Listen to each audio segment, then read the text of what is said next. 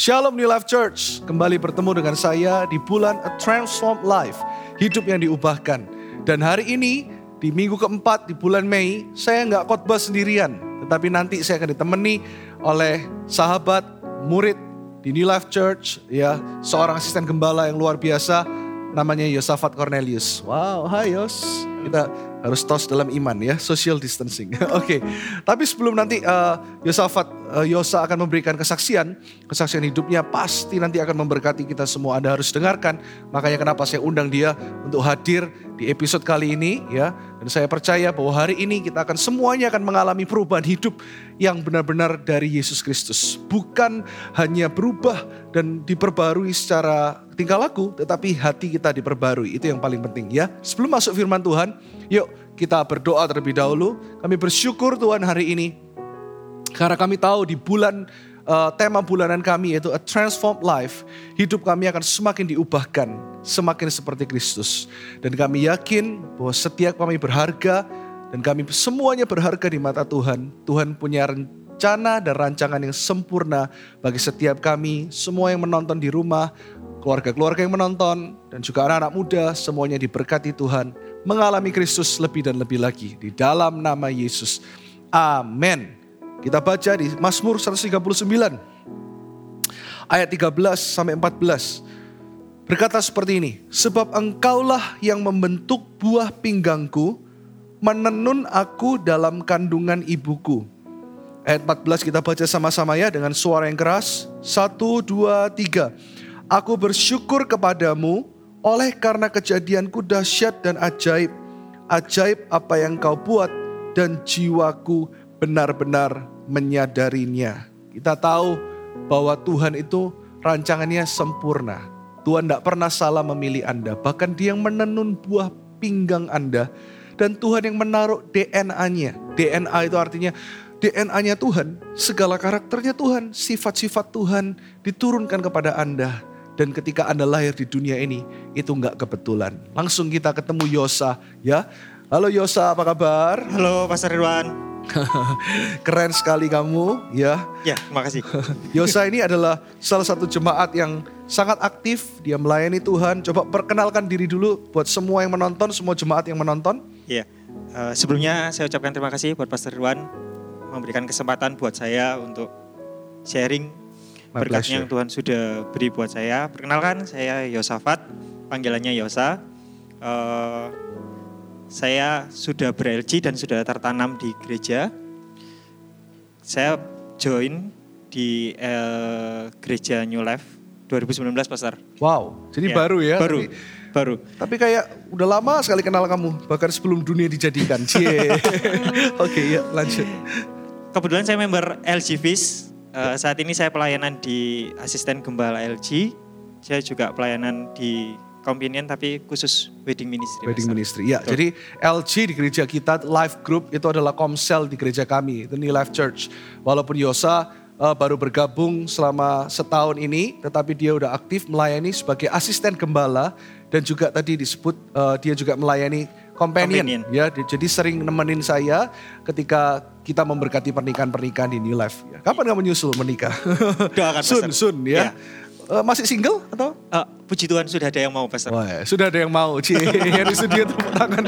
Pasti dong karena kamu diurapi Tuhan. Nah, kisah Yosa itu menarik sekali. Saya suatu hari saya melayani Tuhan di salah satu hotel di Surabaya ketika ada jemaat yang uh, wedding di sana dan saya punya kesempatan untuk selalu berdua dengan dia ngobrol-ngobrol dan waktu itu saya benar-benar mengalami uh, encounter moment dengan Tuhan dan dengan Yosa ketika saya dengar kesaksiannya. Saya sampai waktu itu bilang Yos kamu kok nggak pernah cerita selama ini? Beberapa kali selalu nemenin saya pelayanan dia bilang iya ini kesempatan saya cerita. Kesaksiannya wow banget. Ya untuk anda yang mendengarkan nanti semua yang menonton nanti anda akan melihat bagaimana tidak ada yang mustahil bagi Tuhan. Tuhan bisa pakai siapa saja dan rancangan Tuhan itu selalu indah. Oke saya mau tanya dulu kesaksiannya Yosa ya yang yang yang pastinya akan memberkati banyak orang. Yosa yeah. boleh ceritakan bagaimana kesaksiannya ketika masa kecil Yosa seperti apa supaya setiap pemirsa yang menonton tahu kehidupan Yosa yang dulu. Iya, uh, saya mulai dari kecil ya Pastor ya. Yeah. Jadi masa kecil saya uh, seperti keluarga normal pada umumnya punya papa dan mama saya berdua, uh, saya dua bersaudara, saya punya kakak laki-laki. Pada saya itu kondisinya memang normal, tapi entah tidak tahu kenapa terjadi hal yang nggak pernah dipikirkan oleh anak-anak gitu. Jadi saya melihat ada kekerasan yang dilakukan papa sama mama. Jadi saya ingat sekali pastor pada saat itu, mama saya itu ditendang sama papa. Wow. Jadi ketika papa sama mama kalau tengkar itu, uh, mama saya ditendang dan saya ingat banget mama itu terpental sampai uh, rak piring itu berceceran. Jadi ditendang terus uh, piringnya berceceran terus kemudian saling pegang pisau. Jadi papa saya pegang pisau, mama saya pegang pisau dan itu kalau ngajar saya benar-benar kayak di film action gitu, Pastor. Kayak gitu. Uh, bukan cuma itu aja. Saya melihat bahwa ada ada hal lain yang yang yang kadang-kadang saya nggak pernah tahu gitu. Jadi dulu itu kalau malam Pastor saya selalu diajak sama papa kayak gitu, diajak sama papa jemput mama dan jemputnya mama itu di pinggir jalan Pastor di, uh, di pinggir jalan, papa selalu tanya sama mama, kamu dapat uang berapa hari ini? Gitu. Karena saya dulu nggak tahu pastor apa yang dilakukan sama mama saya. Ternyata saya tahu ketika selangnya waktu ternyata mama saya dijadikan tuna sila. Wow. Jadi kasarnya seperti kayak dijual gitu loh pastor. Hmm. Gitu. Dari situ uh, karena mungkin mama sakit hati atau mungkin mama kepahitan dengan kondisi yang yang sudah terjadi. Singkat cerita, papa sudah tidak sama-sama dengan kami. Kami tinggal dari rumah petak satu ke rumah petak yang lain karena pada saat itu memang uh, rumah yang kita tempati sudah terjual karena papa suka judi, pastor. Hmm. Papa suka judi. Jadi dengan kondisi seperti itu, mama akhirnya arogan jadi mama suka minum minuman keras, merokok, kemudian suka marah-marah. Dan dan itu yang membuat saya selalu takut untuk ketemu sama mama. Kayak gitu. Jadi kalau saya tadi boleh ulang cerita Yosa, jadi selain terjadi berbagai macam KDRT yeah. dan Yosa juga menyaksikan sendiri jika uh, mamanya berprofesi sebagai pekerja seks gitu ya. Betul, Mas. Dan bahkan Papa Papa Yosa mengajak Yosa untuk menjemput iya. setiap kali Mama selesai bekerja. Iya. Nah, waktu itu sebagai seorang anak, bagaimana perasaan Yosa waktu melihat itu? Apa yang apa yang apa yang terjadi? Apa yang bergejolak di dalam hidupmu? Yang pasti takut, Pastor, pada saat itu. Karena ketika melihat kondisi Mama yang dihajar habis-habisan seperti itu, yang sampai berdarah-darah, kemudian uh, kecewa. Kenapa kok punya keluarga yang seperti ini, seperti itu. Jadi uh, setelah setelah kejadian itu, mama memutuskan untuk tidak tinggal bersama-sama dengan papa kan. Jadi kami harus pindah dari rumah satu ke rumah yang lain karena dengan kondisi seperti itu saya tahu bahwa mama tidak punya pekerjaan pada saat itu. Jadi karena karena kondisinya sudah dijadikan pekerja seks, kayak langsung terjun ya sudah lah ini menjadi pekerjaan saya untuk menghidupi anak-anak saya pada jadi saat. akhirnya uh, ibu Yosa juga akhirnya menjadi betul pekerja seks yang profesional gitu iya. ya dan kalau saya baca di uh, profilnya Yosa tahun 94 betul papa pergi meninggalkan keluarga iya. dan setelah itu tahun 2005 pada akhirnya juga Mama Yosa meninggalkan Yosa. Betul, Pastor. Betul ya? Betul. Nah, boleh diceritakan nggak uh, waktu itu, waktu tahun 94 tuh Yosa usia berapa? Saya usianya agak lupa sih, Pastor. Tapi yang pasti saya masih sekolah TK gitu. Masih sekolah TK TK, ya? iya. TK itu TK. Papa sudah meninggalkan kalian? Kami sudah tidak bersama-sama. Uh, Papa masih sering ketemu tapi saya enggak saya nggak terlalu ingat okay, tapi yang pasti gak, tidak benar-benar bersama kayak gitu. Nah, tahun 2005 ketika setelah itu mama meninggalkan Yosa itu Yosa usia berapa? 2005 saya lulus SMP.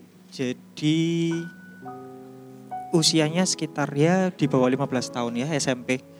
SM 2005 masuk ke SMA, sorry, nah, masuk ke SMA. Itu Yosa bisa ceritain buat uh, kepada semua yang menonton bisa saksikan setelah itu apa yang terjadi ketika papa mama meninggalkan Yosa. Setelah itu bagaimana kehidupan Yosa sampai lulus SMA? Jadi waktu waktu lulus SMA itu uh, sebelum jadi menginjak SMA ya Pastor ya. Jadi waktu SMA itu karena saya tidak bersama-sama dengan orang tua. Saya tinggalnya pindah-pindah, Pastor. Oke, tinggalnya pindah-pindah. Pindah-pindah, Jadi kamu dulu jadi anak Badung gitu ya? Iya. Padahal tampangnya sekarang lihat ya diurapi Tuhan luar biasa. Dan uh, anyway sebelum lanjut tadi saya waktu saya doa mempersiapkan ini ternyata arti nama Yosafat karena nama dia Yosafat Cornelius. Yosafat tuh artinya adalah Tuhan adalah hakim. Dan gak kebetulan dia sekarang menjadi seorang pengacara, lulus uh, menjadi sarjana hukum ya. Bahkan sekarang sudah S2, nanti akan tesisnya dan sudah sudah mulai berjalan dan akan diwisuda segera. Nah, tepuk tangan dulu dong buat Yosa ya. Kita uh, proud to see you now. Tapi nah, balik lagi ke kisah yang waktu Yosa SMP, waktu kamu nakal, waktu papa mama meninggalkan kamu, pindah-pindah. Terus apa yang terjadi? Bagaimana kok sampai kita tahu sekarang bisa jadi sarjana dan uh, bisa menjadi pengacara, lulus lawyer seperti ini. Coba ceritakan dulu uh, kehidupan SMP SMA kamu seperti apa? Jadi waktu SMP itu karena masih bersama-sama dengan mama kita tinggal di kos-kosan satu kotak gitu. Kita tinggal uh, bersama kakak. Uh, jadi ya satu kotak untuk tidur beberapa orang Ya. kayak gitu. Uh, saya ngajar pramuka, Pastor. Karena saya tidak punya uang jajan. Makanya kamu jadi pro otot kayak Avengers. Oke. Jadi saya untuk mendapatkan uang jajan saya harus kerja keras kayak gitu. Oke. Jadi kakak saya ngamen, saya ngajar pramuka. Karena memang kondisinya tidak memungkinkan. Oke. Terus kemudian menginjak SMP, mem- mama memutuskan untuk pergi. Dulu pamitnya ke Papua. Hmm. Jadi mau kerja di sana. Eh berangkatlah mama tahun 2005, 2005 mau berangkat. Mau berangkat, awal-awal pergi ke Papua itu masih kirim uang, Pastor. Ya. Masih kirim uang, masih lancar. Itu kamu SMP ya? Eh, sudah masuk SMA. Oke. Sudah masuk SMA. Sudah masuk SMA. Karena kan saya masih tinggal di kos-kosan. Jadi masih bulanannya masih harus kami bayar. Karena mama sudah mulai tidak bayar, akhirnya double sampai beberapa bulan besar. Eh, kami diusir. Saya diusir dari Jadi kamu. SMA itu diusir dari kos-kosan? diusir dari kos-kosan. Itu Jadi SMA kelas homeless, 1. tidak punya rumah? Homeless tidak punya rumah besar. Saya bersyukur karena kasih karunia Tuhan, Tuhan masih memberikan teman-teman yang baik. Jadi saya masih num- bisa numpang di rumahnya teman pada saat itu. Kemudian eh, karena kasih karunia Tuhan juga, saya dipertemukan orang. Akhirnya saya ditaruh di panti asuhan, Pastor. Oke. Jadi saya sempat tinggal di panti asuhan. Eh, saya cuma pengen sekolah pada saat itu. Pikiran saya cuma pengen sekolah. Karena saya nggak mau hidup susah. Jadi saya maunya jadi orang yang berpendidikan. Hmm. Saya cuma minta sama Tuhan, Tuhan saya cuma pengen sekolah. Sekalipun saya harus, kalau saya bilang saya harus berjuang Pastor pada saat itu. Eh, saya sekolahnya jalan kaki Pastor. Kebetulan dulu tinggal saya ada di daerah Kenjeran. Sekolah saya waktu di SMA, di SMK itu ada di daerah Tugu Pahlawan. Wow, jadi tinggalnya di Kenjeran, Ya, sekolahnya di Tugu Pahlawan. Iya. Jadi kalau Anda orang Surabaya bisa membayangkan tuh kira-kira berapa kilometer ya? Ada yang bisa bantu saya?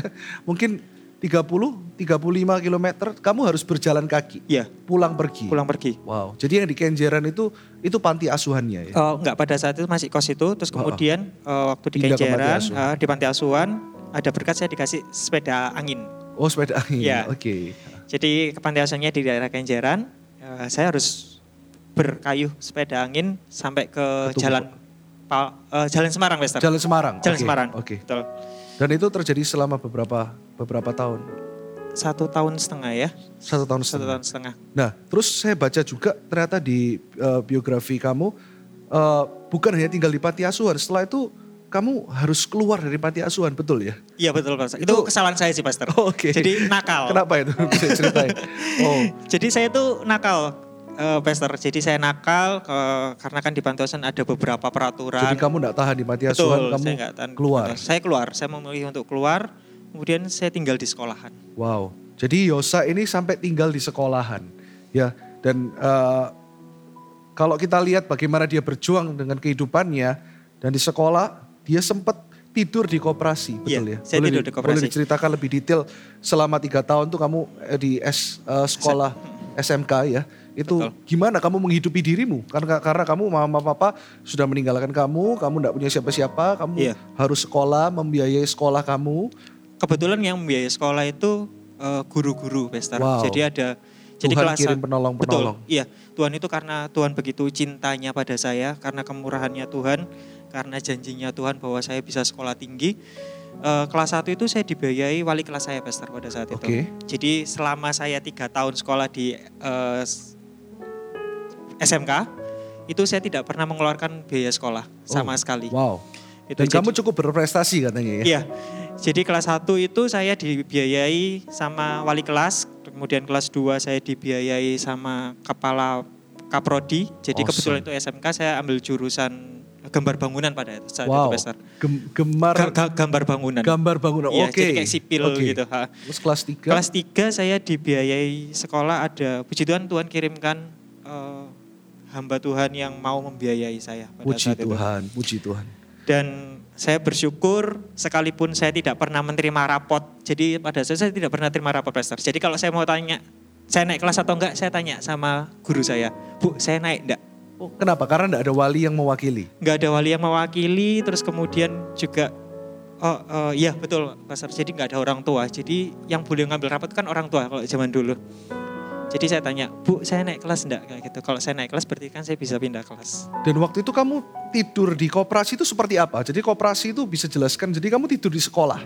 Iya, jadi kebetulan saya dulu ikut eh, anggota koperasi sekolah, ikut anggota koperasi sekolah, jadi ya sepetak gitu dengan ada etalase, ada kulkas Jadi kecil koperasi gitu. yang etalase itu Iya. sepetak kamu tidur di sana tidur di sana dengan alas kardus aqua Pester. dengan alas kardus Betul, aqua. dengan alas kardus Terus kalau aqua. mandi ya di sekolah. Kalau mandi kan sekolah ada kamar mandi. Kalau sekol, eh, kalau mandi ada pakai kamar mandi sekolah, kalau cuci-cuci juga di sekolah.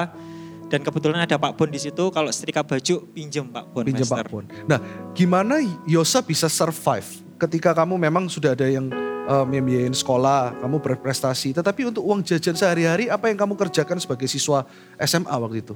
Kebetulan itu tadi karena kebaikannya Tuhan Pastor. Tuhan selalu mengirimkan orang-orang yang baik. Tuhan selalu menyertai anak-anaknya. Dan saya baca juga katanya kamu sampai bekerja untuk bikin Oh, iya. PR-nya. Nah, Iya, betul, itu itu menarik sekali. Jadi kreatif ini Yosa ini memang kreatif. Jadi apa yang waktu itu kamu kamu yang saya lakukan. untuk uang jajan? Untuk uang jajan macam-macam Pastor. Kalau dulu masih musim konser saya jual aqua di, di konser-konser. Oke. Terus kemudian kalau waktu masa-masa remedi Pastor itu saya bantu teman-teman saya untuk mengerjakan remedinya. Mengerjakan remedi. Betul, Dan mengerjakan itu kamu remedinya. dikasih uang. Saya tarif Pastor. Tarif. oke. Iya, saya tarif. Jadi kalau kesaksian ini nggak nggak ngasih nggak nggak narif ya. Nggak, nggak, nggak. Bukan tarif pengacara ya. Oke. Iya. Jadi kamu ta- kamu ta- eh, kamu tarik berapa?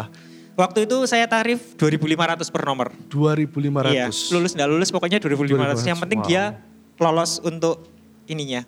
Apa? Remedi. Remedi. Nah, terus titik balik di mana setelah itu kan nanti kita akan dengarkan eh, kesaksian Yosa bagaimana dia bisa kuliah dan sebagainya. Tetapi titik balik di mana kamu melihat bahwa Tuhan tuh selalu menyediakan masa depan yang luar biasa buat kamu tuh apa yang ketika kamu di usia remaja itu? Eh, sebenarnya titik baliknya itu bukan pada saat remaja, Pastor. Pada saat selesai saya eh, apa namanya selesai sekolah, karena pada saat itu memang kondisinya sangat tidak menyenangkan buat saya. Jadi kalau waktu saya tidur di koperasi dulu, kalau saya kepanasan, Pastor, itu kulkasnya saya buka. Saya tidurnya beralaskan itu, saya tidur supaya bisa dapat angin, Angin anginnya dari- kulkas kayak oh. gitu. Jadi titik balik saya ketika saya eh, Mengampuni. mengampuni itu malah saya sudah kerja Pastor. Oh, Eh, jadi, jadi- waktu sudah kerja kamu melepaskan kerja. pengampunan Betul, untuk orang tua kamu. untuk orang tua. Jadi tahun 2000 tuh jadi saya nggak ketemu papa mulai tahun 9 tahun 94 2007 Tuhan izinkan saya untuk ketemu dengan papa saya. Wow. Jadi 2007 kamu akhirnya Bisa Tuhan ketemu izinkan untuk dengan- pertemukan Betul, dengan Pastor. papa, dipertemukan dengan papa. Dipertemukan dengan papa tapi papa nggak kenal pada saat itu. Ya karena, Karena- waktu papa meninggalkan kamu kamu masih TK ya. Betul, iya. Jadi eh, masih kecewa sama Tuhan. Terus kemudian di tahun 2011 itu mama sempat pulang satu kali. Jadi akhirnya juga Tuhan pertemukan kamu dengan mama. Betul, waktu itu pertemukan dengan mama. Lalu kami lalu saat itu kamu mengambil keputusan untuk Mama balik mereka. lagi ke waktu itu mama balik lagi ke Papua. Terus kemudian saya mengambil keputusan untuk saya mau ngampuni papa sama mama. Wow. Jadi yang awesome di sini adalah gini, bahwa mengampuni itu bukan dari kekuatan kita. Kita melihat bahwa apa yang terjadi dalam kehidupan Yosa tidak mudah. Tetapi titik balik itu terjadi ketika dia memutuskan dengan kekuatan Tuhan, dengan kasih karunia Tuhan.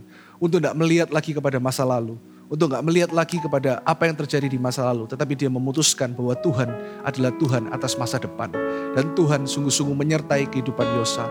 Dan tadi saya waktu berbincang-bincang dengan dia, di mana dia mengambil keputusan dengan kekuatan Tuhan, bahwa rancangan Tuhan itu sempurna, seperti di Yeremia 29 ayat 11. Sebelum kita lanjut dengan Yosa, kita baca dulu Yeremia 29 ayat 11 berkata seperti ini. Ini ayat yang semua sudah pasti tahu, ini ayat emas berkata, sebab aku ini Ya, aku ini Tuhan, mengetahui rancangan-rancangan apa yang ada padaku mengenai kamu. Demikianlah firman Tuhan, yaitu rancangan damai sejahtera dan bukan rancangan kecelakaan untuk memberikan kepadamu, kepada Yosa dan kepada kita semua, yaitu harapan untuk memberikan kepadamu hari depan yang penuh dengan harapan. Dan saya tahu bahwa apa yang saat ini kita dengar, ya, ya tiga perempat dari kesaksian Yosa nanti uh, dia akan tutup bagaimana setelah dia mengampuni, dia mengambil keputusan untuk melihat kepada masa depan. Yang terjadi adalah dia bekerja betul ya selama tiga tahun untuk mengumpulkan uang. Iya. Dan itu kamu bekerja di mana waktu setelah lulus SMA kamu tiga tahun itu bekerja di mana? Saya kebetulan waktu itu Tuhan izinkan saya kerja di toko buku Gramedia. Di toko buku Gramedia, Betul. wow. Jadi dua tahun awal saya kerja di toko, kemudian satu tahun berikutnya itu saya ditarik di penerbit di jadi, penerbit. Di, jadi penerbitnya. Jadi, jadi saya, selama tiga tahun tuh kamu memang tujuannya untuk menabung supaya bisa kuliah. Betul, Pastor. Kayak gitu. Dan uh, setelah saya mengambil keputusan itu uh, di tahun yang sama uh, Tuhan izinkan saya untuk daftar sekolah. Wow. Daftar sekolah? Daftar S1 waktu itu. Sekolah hukum ya? Sekolah hukum. Betul. Jadi di perguruan tinggi. Di perguruan tinggi. Lalu setelah itu kamu mengambil sekolah profesi, betul iya, ya? Jadi selama saya menempuh pendidikan S1 itu, saya kuliah sambil kerja, Pastor. Jadi dia kuliah sambil kerja, betul. terus di saat yang bersamaan juga setelah lulus S1 mengambil sekolah profesi. Iya. Dan sekarang sudah menjadi seorang pengacara, sekaligus akan lulus S2 beberapa Amin. bulan ke depan ini. Nah kalau kita berbincang-bincang lebih lagi, saya percaya ada banyak cerita lagi yang bisa diceritakan Yosa. Tetapi karena tema kita benar-benar adalah hidup yang diubahkan, kita melihat bahwa hidup yang diubahkan itu terjadi dalam kehidupan anak yang dulunya mungkin tidak punya masa depan, tidak punya gambar diri, tetapi ketika dia memutuskan untuk sungguh-sungguh dengan Tuhan, bahkan kisah pertobatannya kalau mau diceritakan itu luar biasa, tetapi kita waktu yang terbatas ini nggak bisa dengar komplit bagaimana Yosa bertobat, tetapi kita melihat bagaimana titik balik itu adalah ketika dia berjumpa dengan Yesus. Dan saat ini uh, waktu dia melayani Tuhan, ya dia sibuk uh, setiap hari juga ke persidangan dan sebagainya karena dia adalah seorang pengacara dan bukan hanya itu, tetapi akan segera menikah dengan seseorang yang luar biasa. Dan saat Amin. ini juga hubungannya Amin. dengan papa mamanya sudah dipulihkan. Inilah Yosa ya yang kita dengar kesaksiannya hari ini. Dan saya percaya kita semua diberkati dengan kesaksian ini. Sehingga saya mengambil satu kesimpulan. Ada dua poin untuk Anda semua di tema bulan kita ini yaitu a transformed life, hidup yang diubahkan. Yang pertama, Tuhan tidak pernah salah memilihmu. Amin. Katakan kanan kiri, Tuhan tidak pernah salah memilihmu. Ya. Dan yang kedua, Rancangan Tuhan bukan hanya baik, melainkan sempurna dalam kehidupanmu. Kita tahu bahwa Tuhan adalah Tuhan yang setia. Dan saya percaya bahwa hari ini thank you Yosa. Thank you kasih tepuk tangan buat Yosa ya. Saya I'm so honored untuk uh, punya seorang jemaat murid yang setia dan saya bahkan berdoa kamu nanti juga selain menjadi pengacara menjadi pengkhotbah yang luar biasa. Amen. Ya. Dan saya percaya bahwa semua yang kita yang menonton hari ini Hari ini sedikit berbeda itu talk show di mana saya nggak berkhotbah sendirian tapi Anda mendengarkan kesaksian nyata dari seorang anak yang bernama Yosa. Bagaimana dengan Anda? Percayakah Anda bahwa Tuhan menuntun masa depanmu? Percayakah Anda bahwa Tuhan selalu ada di sebelah kananmu? Percayakah Anda bahwa engkau selalu akan mempunyai masa depan yang penuh dengan harapan dan cemerlang bersama dengan Tuhan? Kalau Yosa bisa menjadi seorang pengacara dari tidur di koperasi dan dia harus mandi di sekolah, tidak punya rumah. Kalau Tuhan bisa pakai Yosa, Tuhan bisa pakai Anda. Sebelum kita tutup kebaktian ini, mari kita sama-sama nyanyikan. Kini aku percaya tiada yang mustahil bagimu. Kuasamu kuatkanku. Sama-sama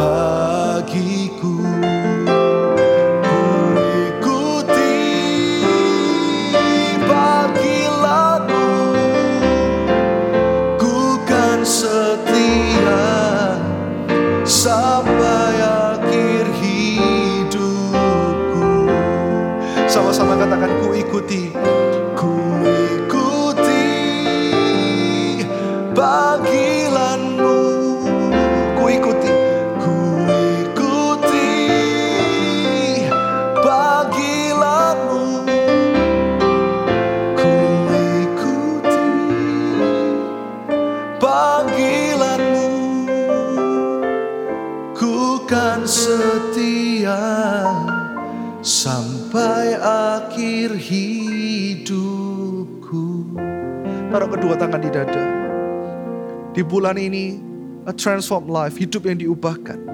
Kami tahu Tuhan, bahwa kehidupan kami akan semakin diubahkan. Semakin seperti Kristus, mengalami transformasi bukan dari luar, yaitu perlakuan kami, behavior kami, tetapi kekuatan yang dari dalam, sungguh-sungguh hidup kami diubahkan seperti Tuhan memberikan kekuatan kepada Yosa untuk percaya bahwa dia berharga. Seperti Tuhan memberikan sebuah kepercayaan dan iman yang sempurna yang timbul kepercayaan diri dari hidup seorang anak yang tidak mungkin secara dunia dia bisa percaya diri melihat keadaan keluarganya.